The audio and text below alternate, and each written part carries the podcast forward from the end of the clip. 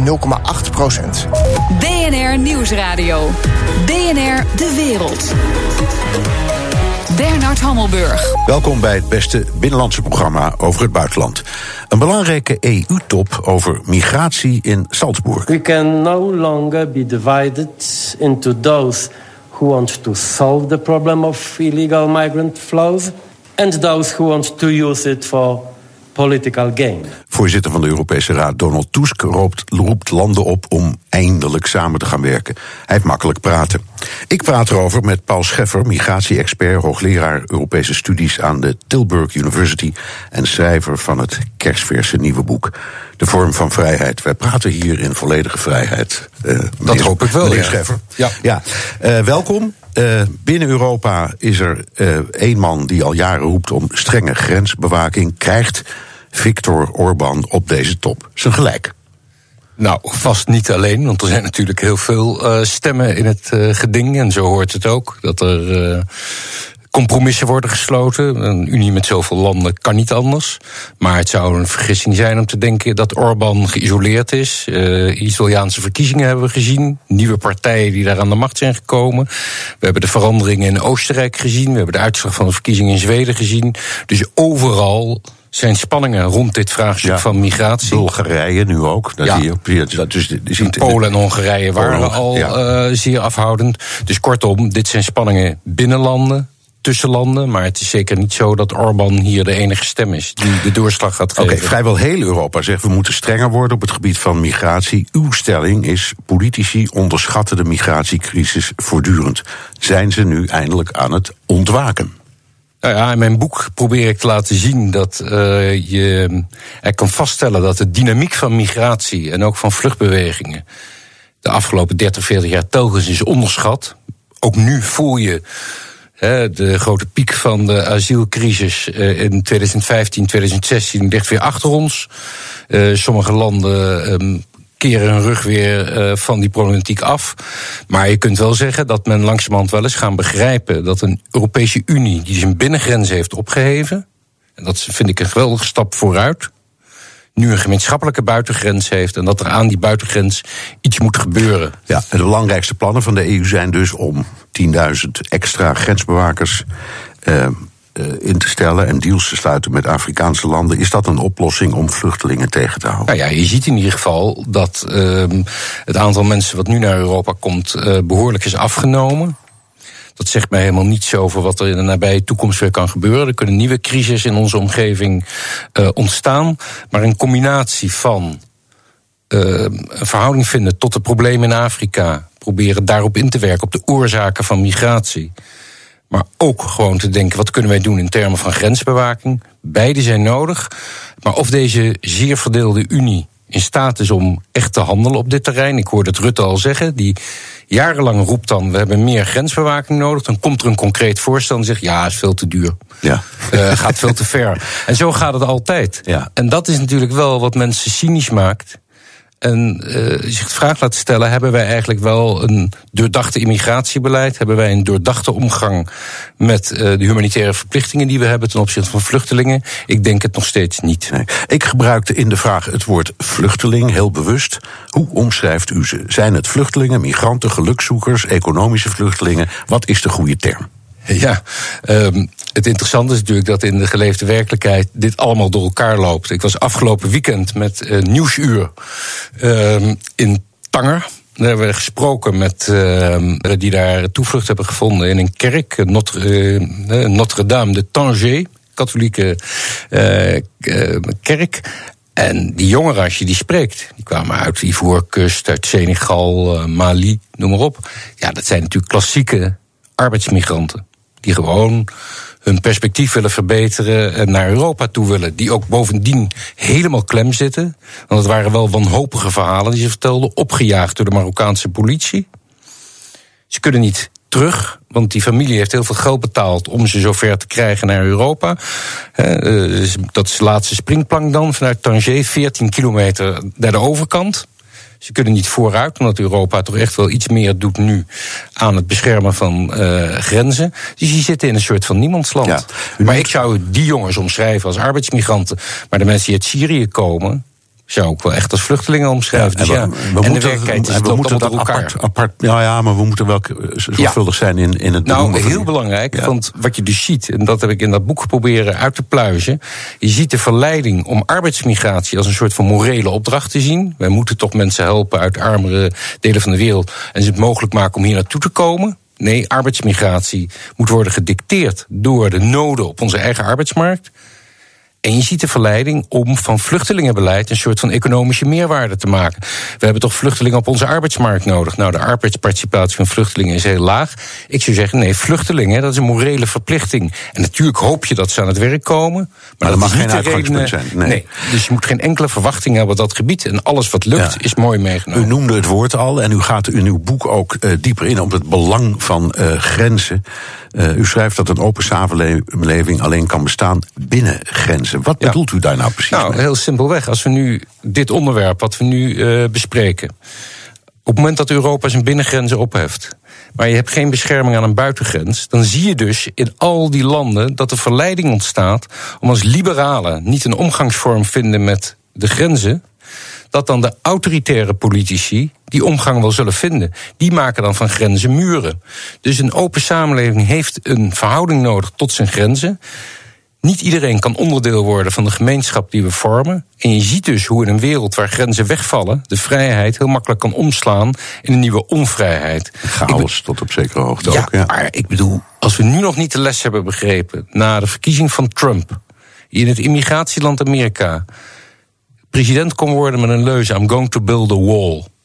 Als we de les van de Brexit nog niet hebben begrepen, dat ging over immigratiecontrole. Als we de les van de verkiezing van Italië niet hebben begrepen, een land wat zich overvraagd voelt door migranten en vluchtelingen. We al die lessen nog niet hebben begrepen. Dus daar gaat mijn boek over. Ja. Laten we gewoon goed nadenken over de betekenis van grenzen in een wereld die globaliseert. Moet Nederland weer grenzen krijgen? Want wij zitten in Schengen. Nee, ik zou dus zeggen, dat gaat het gevolg worden als Europa niet als collectiviteit Dus dan als, omgangsvorm als, met de als Europa. Dus niet luistert naar deze boodschap, dan komen er weer. eh, eh, Nou, we hebben het gezien in de vluchtelingencrisis Ja. hoe onmiddellijk de terugtrekkende beweging werd ingezet en landen begonnen met eigen grenscontroles in te stellen. Dus als je dat wil voorkomen, en er zijn goede economische redenen om te denken dat die grote binnenmarkt die Europa heeft gevormd ook economisch zich kan ontwikkelen. Doordat wij, gemeen, doordat we niet meer al die grenscontroles hebben, dan zul je iets aan die buitengrens moeten doen.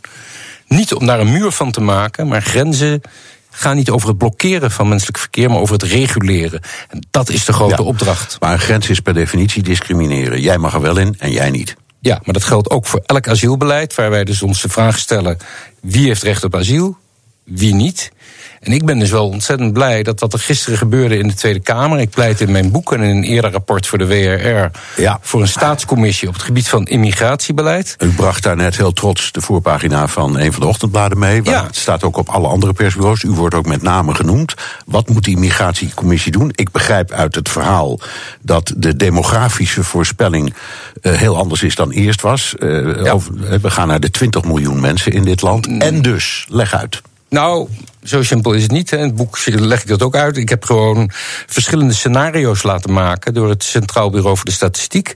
Heel raar dat dat niet eerder is gebeurd. Gewoon met verschillende migratiesaldo's. Het migratiesaldo is simpel gezegd het verschil tussen de mensen die komen en de mensen die weer gaan. Dus je kunt met verschillende migratiesaldo's kun je verschillende scenario's maken. En een scenario met min 8000 migranten meer weggaan dan komen, leidt tot een bevolkingskrimp in 2060 tot 16 miljoen. Een migratiesaldo van plus 50.000, wat dicht aan ligt tegen wat we nu hebben, leidt naar een bevolking van 20 miljoen. En je ziet dus dat tussen die verschillende scenario's een geweldige eh, breedte zit van 4 miljoen mensen. Sibrand Buma verwees naar dat onderzoek wat ik heb gedaan gisteren in de Kamer. Klaas Dijkhoff ook. Ik heb ook met verschillende van politici hierover gesproken. En wat wij dus niet in Nederland doen, is simpelweg nadenken over hoe ontwikkelt de bevolking zich, welke bevolkingsgroei hebben we nodig, welke migratie hebben we nodig. 90% van de bevolkingsgroei is migratie gerelateerd.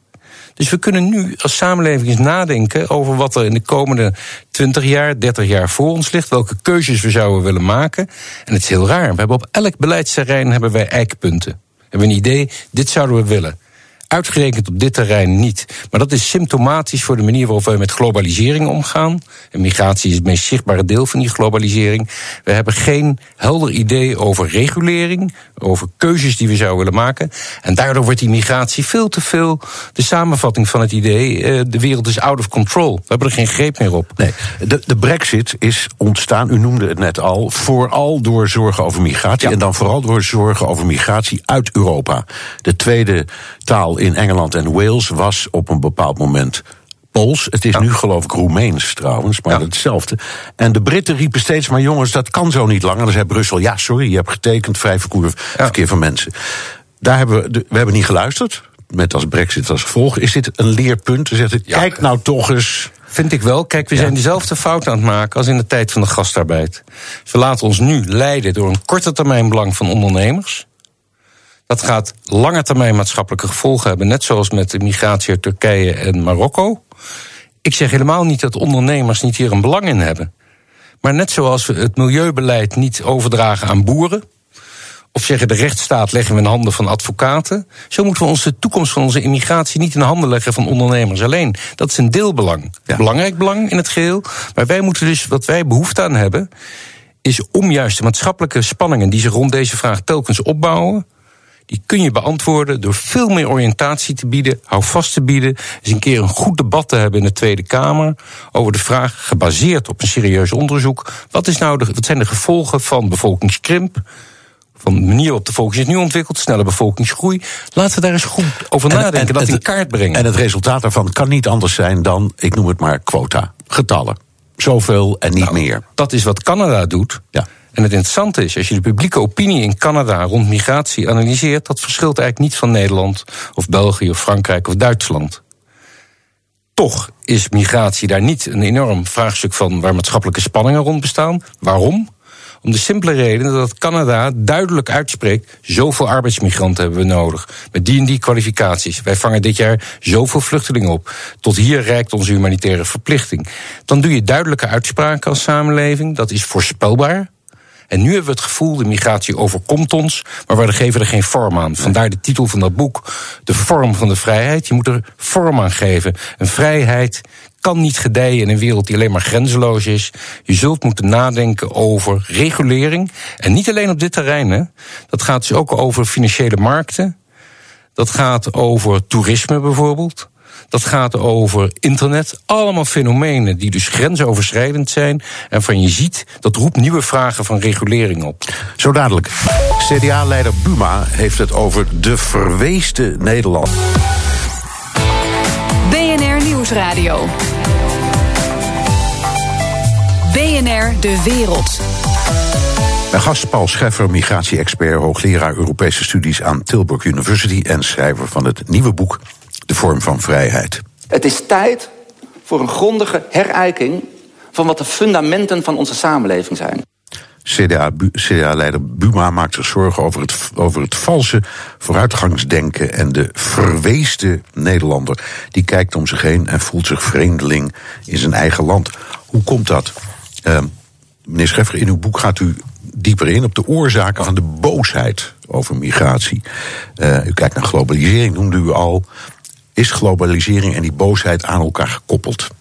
Ja, ik denk het wel. Ik denk dat mensen dus over het geheel genomen uh, het gevoel hebben... we raken de greep op onze samenleving, op onze toekomst kwijt. Is dat beroemde zinnetje, met mij gaat het goed, maar met ons gaat het slecht. Dus mensen hebben wel het gevoel dat hun persoonlijke levensomstandigheden... misschien helemaal niet zo slecht zijn... maar dat de samenleving waar ze onderdeel van uitmaken... dat die onder druk staat. En dat lijkt me meer dan een gevoel alleen. Dat is natuurlijk ook echt zo. De grote krachten die daarop inwerken... Uh, neem een voorbeeld, uh, wat er met ING gebeurt. Zo'n grote uh, financieel concern, grote bank, waar tegen de werknemers wordt gezegd: met het oog op internationale concurrentie moeten jullie lonen matigen.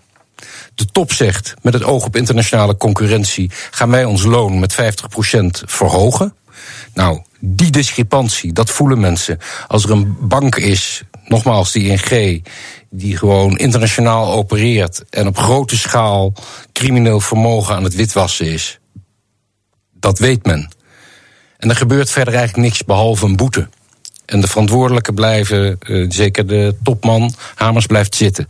Dat voelen mensen. En je hoeft niet zo ver te zoeken om de oorzaken van populisme te begrijpen. Dat begrijp ik, maar dat kun je moeilijk afwentelen op uh, migratie. nee, maar het gaat ook over veel meer. Dus dat boek wat ik heb willen schrijven ja. uh, gaat over veel meer dan migratie. En ik wil ja, zeggen dat, dat, dat er is een koppeling tussen al dit soort gevoelens. Nou, ik denk dus dat de vraag naar regulering op heel veel terreinen van grensoverschrijdende economisch verkeer, van migratie, allemaal hetzelfde soort vragen oproepen. En het gevoel van machteloosheid. Dat samengevat zit in het zinnetje. Wen er maar aan. Ja. Wen er maar aan dat de pensioenen niet meer stabiel ja. zijn. Wen er maar aan dat Amsterdam onder de voet wordt gelopen door Airbnb. En dat de verantwoordelijke wethouder zegt: ja, dat is een internationaal opererend bedrijf. Ik heb er geen greep op. Wen er maar aan uh, dat illegale migratie uh, zal doorgaan. Al die intimiderende zinnetjes. Waarbij eigenlijk mensen een gevoel van machteloosheid krijgen. Dat werkt heel slecht uit. En ik zou zeggen, het populisme is een vorm van protectionisme, is een roep om bescherming, is een terugtrekkende reflex die ik heel goed begrijp. Namelijk, de wereld is groter geworden. De wereld is opener geworden, we hebben minder grenzen en mensen zoeken bescherming. Dus daar moeten gewoon betere antwoorden komen op die vraag naar bescherming. Anders zullen de autoritaire stemmen in Italië, in Polen, ja. in Nederland het pleit winnen. Ja, um, dat is, maar het is niks nieuws. Ik bedoel, tijdens de, de, de, de technologische revolutie in de jaren 80 van de 19e eeuw is het ook gebeurd. Toen, toen uh, het, het komt van tijd tot tijd voor. Dat staat ook in het boek. Mm. Ik heb dus ook de, precies de ja. parallel getrokken. En die wordt in heel veel literatuur over globalisering wordt getrokken. Ja. Dat is de periode tussen 1870 en 1914. Ja. denken mensen natuurlijk, die gaat wel heel ver terug in het nou, verleden. Nee, want dat is na de, dat, dat sinds de uitvinding van de stoommachine. Ja, zeg maar. maar dat was een periode van hele snelle economische groei.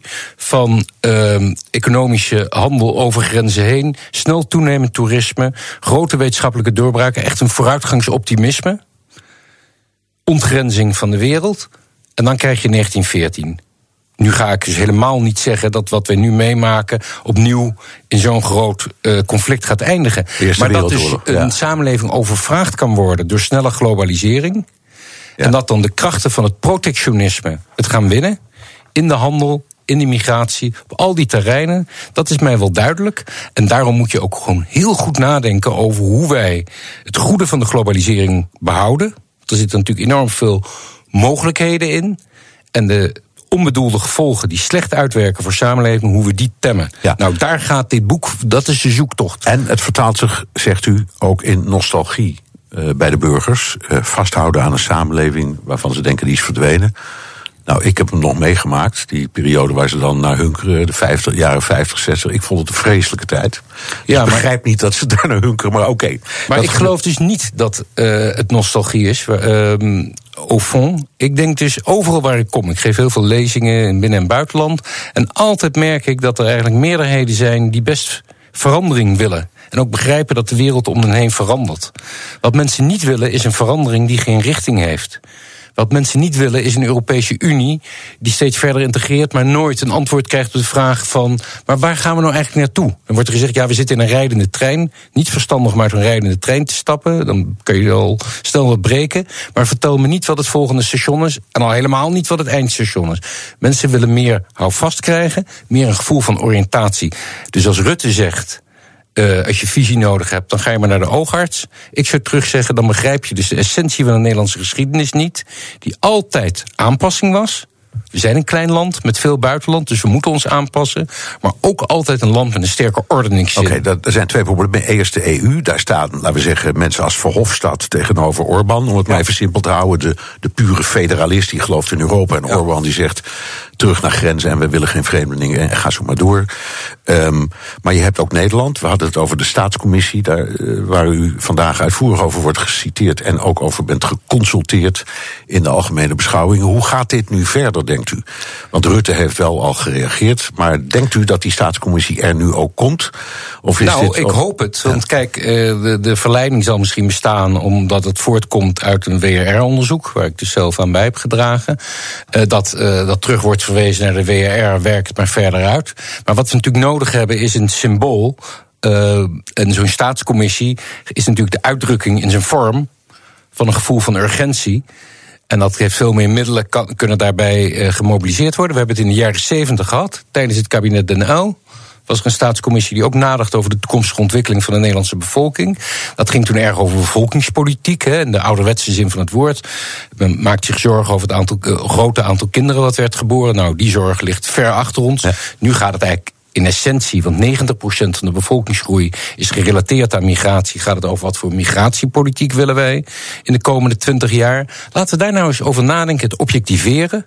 Gewoon ons de vraag stellen: wat betekent het voor het onderwijs, voor de gezondheidszorg, voor de ruimtelijke inrichting van Nederland, voor de integratieproblematiek die we kennen, een snel groeiende bevolking? Laten we daar eens over nadenken en proberen dat op een goede manier te ordenen. En dan kan het politieke debat volgend jaar bij de algemene beschouwingen hoeft niet te gaan over losse plannen om mensen twee keer zo streng te straffen omdat ze ergens misdrijf plegen en niet op een andere plek. Maar dan kan het gaan over waar het al heel lang over had moeten gaan. Niet het eindeloze gesprek over integratie.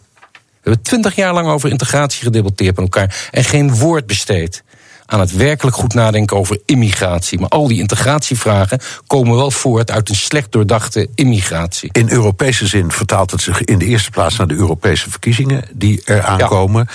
En het, naar mijn idee is het een beetje het, een probleem van, laten we zeggen, de wat redelijker stemmen, zoals Merkel en toch ook wel Rutte en anderen, om die, die woede en dat populisme een beetje in te dammen. Uh, en, en ergens de, de weg van de redelijkheid uh, te vinden. Kan dat? Ja, Sterker nog. Nee, het moet, dat weet ik wel, maar kan het ook? Ja, dat, zal de, dat zullen de komende jaren leren. Maar wat, het is vermijdbaar dat de middenpartijen in Europa geen visie hebben op de toekomst van de Europese Unie. Dat is crisismanagement. Daartegenover staat populisme. Dus dat zijn eigenlijk de twee die smaken. Een hele duidelijke visie. Ja. ja. natuurlijk is politiek ook crisismanagement. Kunnen, er gebeuren dingen waar je niet op voorbereid bent en waar je dan moet handelen. Dus dat ga ik helemaal niet klein praten. Maar voorbij dat crisismanagement hebben we dus behoefte aan een beeld van de toekomst van de Europese Unie dat gaat nog de grote sprong voorwaarts worden van Verhofstadt.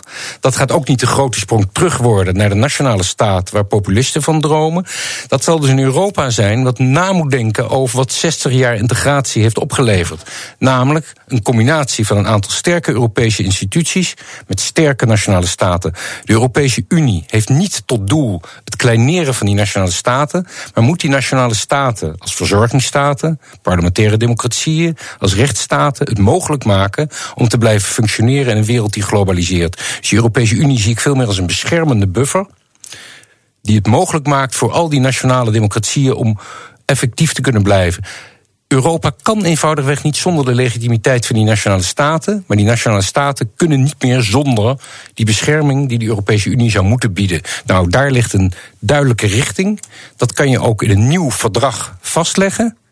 En daar moet dan een referenda over georganiseerd worden. De Europese Unie die bang is voor de kiezers. En dat hebben we gezien, hè? 2005 Absoluut. werd het afgewezen. Men durft het niet meer aan om een nieuw verdrag aan mensen voor te leggen. Maar dat is wel wat moet gebeuren. En laat het maar op elkaar botsen dan.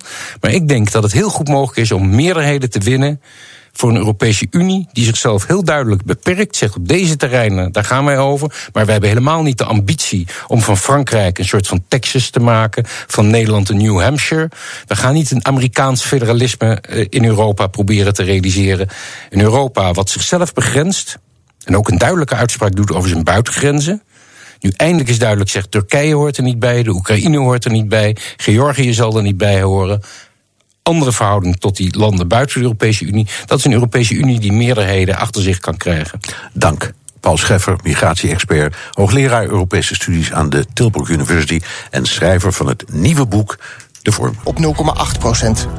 BNR Nieuwsradio. BNR De Wereld. Bernard Hammelburg. Teleurgestelde vluchtelingen dreigen binnen Europa te radicaliseren. BNR Nieuwsradio. BNR De Wereld. Europa-verslaggever Jesse Pinster bezocht een eigenaresse van een kleinschalige opvangplek voor migranten in Oostenrijk. Hoewel er steeds minder vluchtelingen aankomen, zien ze daar de problemen toenemen. Tussen de bossen en de heuvels van het uh, Zuidoostenrijkse Carinthië. We zijn in Weitensveld in Kärnten. Het ligt een heel klein dorpje, Weitensveld. En ja, in het centrum staat dan ook een gasthof, zoals je het wel uit de vakantie kent. Ik ben hier met Elisabeth Steiner. Gele muren, roze bloemen aan de ramen. Ja, das ist ein Gasthaus und gleichzeitig auch eine Flüchtlingspension. Gleichzeitig. Gleichzeitig, ja. Das heißt, äh, wir äh, betreiben ein Restaurant. Vanaf de overkant van de straat, vanaf een poster, kijkt Hans Christian Strache toe. Dat is inmiddels de vice-kansler en ook de leider van de FPÖ, behoorlijk rechtse partij. Een man die ooit zei: Vluchtelingen zijn keine Untermenschen, wir sind Übermenschen. Hij zal dan ook niet heel erg te spreken zijn over dat er in dit kleine dorpje vluchtelingen opgevangen worden. En dat was het dorp zelf in eerste instantie ook niet. Das war anfangs sehr, sehr schwierig. Wir hatten anfangs sehr zu kämpfen, äh, dass wir dieses Vertelt dat het in het begin wel heel lastig was. Dat er ook een burgerbeweging eh, is geweest die uh, tegen wilde houden dat hier vluchtelingen ondergebracht werden. Man hatte anfangs uh, befürchtet dass Frauen vergewaltigt werden. Ze waren bang dat er verkrachtingen zouden plaatsvinden, dat er gestolen zou worden. Maar ze heeft doorgedrukt en nou ja, uiteindelijk is het toch goed gekomen. En inmiddels uh, schijnt het dorp redelijk gewend te, te zijn. En binnen is het inderdaad ook wat je verwacht van een uh, Oostenrijks, Oostenrijkse herberg. Dus uh, kleedjes over tafel. En daarnaast is een ruimte met een uh, pooltafel. Ich kann nicht zurück äh, gehen nach Afghanistan, weil ich habe Probleme mit meiner Familie. Äh, mein Name ist äh, Ali Darwishi und äh, ich bin 20 Jahre alt und ich komme aus Afghanistan. Letztes Jahr ich bekomme negativ und dann ich habe gegangen nach Frankreich und dann diese Jahre zurück Deportation in Österreich. Und dann jetzt bin ich hier. Aber wenn Sie abgewiesen werden, Ablehnung und im schlimmsten Fall Hass entgegenschlägt. Maar ze sluit niet haar ogen voor de problemen die er zijn. Ze waarschuwt dat juist als integratie mislukt, radicalisering op de loer ligt. Auffassungen beispielsweise des Islam zurückfallen. Und das kann für uns zu einer sehr realen Gefahr werden. Jonge mannen die na een aantal jaren in Oostenrijk terugvallen op hun geloof en radicaliseren. Es einige von ihnen geben, die dann durchaus bereit sind, mit gewalttätigen Mitteln in Europa vorzugehen. Zelf heeft ze het van dichtbij meegemaakt. Ich habe erlebt einen Fall, der negativ bekommen hat, der vollkommen integriert war, der von einem Tag auf den anderen ein absolut radikaler Muslim geworden ist. Met 19 euro per dag moeten de migranten hier verzorgd worden. En uh, er staat weer eten op tafel. Man hat uns gebraucht in Zeiten, wo es sehr viele Flüchtlinge äh, gegeben hat, wo man das alles massiv drosselt. Jetzt stehen wir da vollkommen alleine. En dat was een uh, bijdrage van Europa-verslaggever Jesse Pinster. BNR De Wereld. Een nieuwe escalatie in de handelsoorlog tussen China en Amerika. We've been ripped off by everybody. And I want to protect the American worker, the American farmer, the ranchers, the companies. And we're not being ripped off, you will see in a little while. Donald Trump stelt nog eens 200 miljard dollar aan invoerrechten in tegen China. En de Chinezen slaan terug met nieuwe invoerrechten van 60 miljard. Ik praat erover met Paul Bril, oud-Amerika-correspondent en columnist voor het parool. Paul, wie is hier aan de winnende hand? Want je hebt aan de ene kant Amerika is natuurlijk groter, maar die, die Chinese economie is enorm machtig. Voorlopig wint er en verliest er nog niemand. En misschien moeten we ook beginnen met een disclaimer. Er is ook eigenlijk nog niemand echt in paniek. Kijk naar de beurzen. Uh, er is een klein dipje geweest, maar die hebben zich ook wel weer hersteld. Eigenlijk gaan de meeste mensen er nog steeds van uit dat het wel goed zal komen. Als dat niet zo is, en die kans is natuurlijk aanwezig, dan uh, zijn er allereerst heel veel verliezers. Eigenlijk iedereen die iets met de wereldeconomie te maken heeft. Maar uh, zou je toch moeten zeggen, wie heeft de beste kans om, laten we zeggen, politiek uh, de andere profijt op de, te, te trekken. De op de knie te krijgen. Ja, ja. of politiek ja. profijt hieruit te trekken, dan zou ik toch zeggen Trump. Ja, gewoon omdat hij uiteindelijk die Amerikanen en de Amerikaanse economie met zoveel tentakels heeft, daar kan China niet erop. Of anderen kunnen daar niet nou ja, China is natuurlijk wel heel groot en machtig geworden, maar het, het, de paradoxale situatie doet zich voor dat het land met het grootste handelstekort, Amerika, in deze strijd de beste wapens heeft ja. ten opzichte van het land met het grote handelsoverschot. Je kunt het ook zien aan de maatregelen die getroffen worden.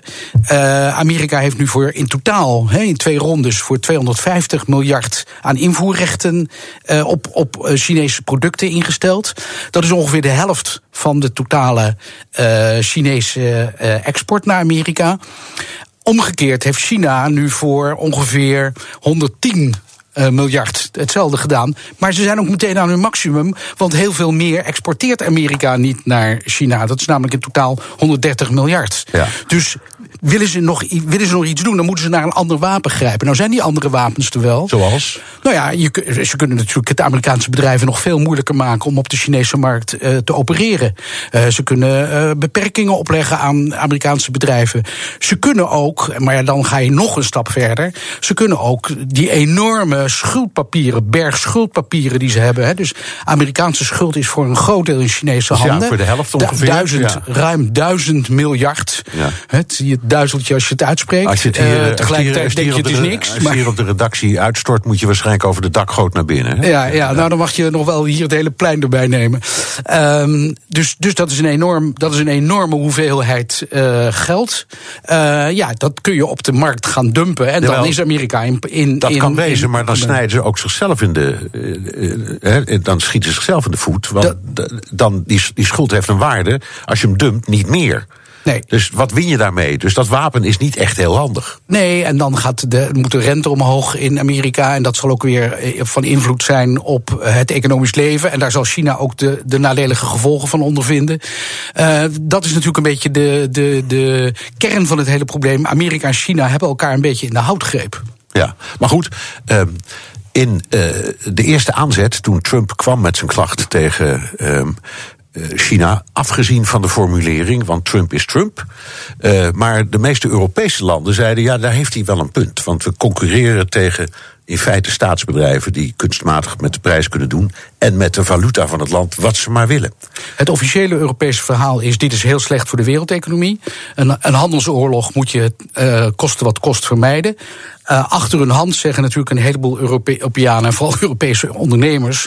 Het is wel goed dat er eens een keer tegen China aangeschopt wordt. Want inderdaad, uh, Europese bedrijven buitenlandse bedrijven in het algemeen hebben in China gewoon te maken met ontzettend veel beperkingen, met, met, met bureaucratie, uh, met dingen die ze niet mogen. Ze moeten technologie afstaan, intellectueel eigendom uh, opgeven. Uh, dat is niet altijd een pretje. Er wordt natuurlijk vaak hoog opgegeven van het Chinese Wirtschaftswunder. En het is natuurlijk ook geweldig de snelheid waarmee China zich heeft ontwikkeld. Maar er zitten natuurlijk een heleboel schaduwzijden aan voor buitenlandse bedrijven. Ja, nog één heel klein dingetje. Als nou invoerrechten komen nou, dan gaan de prijzen van artikelen wat omhoog. Wat, wat geeft dat eigenlijk? Dat is vervelend, maar het is niet het einde van de wereld. Ik bedoel, wij kopen, uh, KLM, Air France koopt uh, Boeing-toestellen. Daar zitten gewoon invoerrechten op. En als het, zo, als het KLM niet bevalt, dan zeggen ze tegen Boeing... je moet iets aan de prijs doen, want we moeten invoerrechten betalen. En dat gebeurt dan ook. Ja. Is toch niet zo erg? Nee, maar het is, het is natuurlijk wel zo dat China heeft op de Amerikaanse markt... een aantal belangrijke sectoren praktisch in handen. He, als je elektrische apparaten neemt, ja, China is daar verreweg de grootste speler in. Als die, als die producten uh, duidelijk in uh, prijs gaan stijgen, dan heeft de Amerikaanse consument daar last van. Het is natuurlijk niet voor niks dat Trump nu heeft gezegd: oké, we beginnen met 200 miljoen, of hij, hij heeft al 50 miljoen, dus in totaal er nu 250 miljoen. En hij heeft niet het hoogste tarief genomen, wat hè, de, de, de invoerrechten met 25 procent, maar 10 procent genomen, want de verkiezingen komen eraan. Ja. Nou, op dit moment denk ik dat de meeste bedrijven, de meeste winkels uh, die goederen verkopen, die Chinese artikelen verkopen, nog met voorraden zitten. Dus je zult het nog niet direct merken. Maar op termijn, uh, als, als het niet wordt opgelost, dan ga je het merken. Okay. Zo dadelijk. Noord- en Zuid-Korea zetten een nieuwe stap naar vrede. Is dat dankzij of Nieuwsradio. BNR De Wereld. Een succesvolle nieuwe ontmoeting tussen Noord- en Zuid-Korea. We had uh, very good news from North Korea, South Korea. Uh, they met and uh, we had some great responses. Uh, we're making tremendous progress with respect to North Korea. Donald Trump claimt de verantwoordelijkheid voor deze nieuwe ontwikkelingen. Komt allemaal door hem. Noord-Korea gaat onder buitenlands toezicht een testinstallatie ontmantelen. En de beide landen gaan verder werken aan gezinshereniging. Ik praat verder met Paul Bril, oud-Amerika-correspondent en columnist voor het Parool. Uh, uh, Paul, de, de, Amerikaanse minister van Buitenlandse Zaken, Pompeo, uh, die wil gelijk meteen al nieuwe gesprekken beginnen over denuclearisatie. Maar mij viel op. Het, het zag er wat redelijker uit van formulering. Vooral omdat hij niet zegt: het moet allemaal nu zoals John Bolton, de veiligheidsadviseur, had gezegd. Maar hij legt de stip verder, 2021 of 2022. Dan moet dat geregeld zijn door, het. Maakt hij het daarmee een realistischer verhaal? Als hij zijn zin krijgt, uiteraard wel. Ik geloof dat je uh, even een stap terug, een stapje terug moet doen. We hadden het in het eerste deel van het gesprek over winnaars en verliezers. Mijn neiging is om te zeggen: in, in dit dossier is Kim toch eigenlijk gewoon de grote winnaar. Die ja. doet het toch wel eigenlijk erg slim. Want wat, wat, wat is er nou aan de hand? Hij, hij doet voldoende handreikingen om uh, de andere partijen de indruk te geven dat er werkelijk iets te halen is. Tegelijkertijd doet hij natuurlijk niet de werkelijke handreiking die nodig is om die befaamde denuclearisatie, de, de, het vrijmaken van het hele Koreaanse schiereiland van kernwapens, om die ook daadwerkelijk te realiseren. Ik denk ook dat hij probeert om dat helemaal, of in ieder geval zoveel mogelijk te vermijden. Ja. Want zijn enige kracht zijn zijn kernwapens. Ja, en hij heeft er, niemand weet het precies, maar een heleboel mensen zeggen een stuk of dertig. Dus hij kan rustig in onderhandelingen zeggen: Nou, weet je wat, ik maak zichtbaar voor de hele wereld. Ontmantel ik er tien, heeft hij er nog altijd twintig. En dan heeft hij nog steeds wat hij altijd wilde. Is dat ongeveer wat... Er is, er is sprake dus van die ene testsite die ontmanteld wordt. Uh, en daarom zouden ook inspecteurs bij mogen komen kijken. Uh, Amerikaanse inspecteurs, Zuid-Koreaanse inspecteurs, wie dan ook. Ja, of van het atoomagentschap misschien. En, ja. Van het atoomagentschap, daar is al veel minder sprake van. Um, nou, experts zeggen, luister eens, die testsite was toch al in, in onklaar, praktisch onklaar. Die was niet meer, uh, niet meer bruikbaar. waar het natuurlijk om gaat, is dat Kim, als die werkelijk naar totale ontmanteling van het hele nucleaire arsenaal zou streven, of daartoe bereid zou zijn, dan zou hij een een opgave moeten doen van al zijn uh, installaties, van alles wat hij heeft. En hij zou het internationaal atoomagentschap in Wenen uh, uh, moeten uitnodigen voor algehele inspectie. Dat, ja. doet, hij, dat doet hij niet. Dat gaat hij niet en dat is, dat is natuurlijk ook begrijpelijk, want nogmaals, die kernwapens zijn op dit moment zeker zijn kracht. Ja. En in de onderhandelingen zijn kracht. Hij, hij ziet dat Trump ontzettend graag zo'n historisch, tussen aanhalingstekens, deal wil sluiten. He, da daarmee wil hij als het ware de geschiedenis in gaan. Tegelijkertijd wil de Zuid-Koreaanse president Moon wil, is natuurlijk ontzettend geïnteresseerd in, in gezinshereniging, in toenadering, in, in geleidelijke meer samenwerking. Ja, misschien zelfs federalisatie heeft hij het over. Ja. Uh, en, en, en Kim is slim genoeg om, om, laten we zeggen, dat allemaal niet uit te sluiten. Maar uh, wat, wat, hij, wat hij wezenlijk nu, denk ik, toch aan het doen is, is uh, A, uh, Trump net genoeg aan het lijntje houden om het proces gaande te houden. Uh, en denk ik tegelijkertijd ook Zuid-Korea los te weken van Amerika, wat natuurlijk tactisch voor hem enorm belangrijk is. Ja. He, Moon is duidelijk nog meer gespitst op, op een resultaat dan, dan Trump, die nog te maken heeft met een achterban die zeer wantrouwend staat ja. tegenover het hele proces. Daar wou ik het nog even, daar wou ik het even over hebben. Um, we hebben wel eens verder in deze, vaker in deze uitzending gezegd, als Trump spreekt, spreekt hij tegen zijn eigen achterban. In de eerste plaats altijd. Hij zegt, deze ontspanning tussen met Noord-Korea, en je kunt ervan vinden wat je wil, maar het is ontspanning. Of het nou lukt of niet, dat, kun je, dat moet je Trump wel nageven.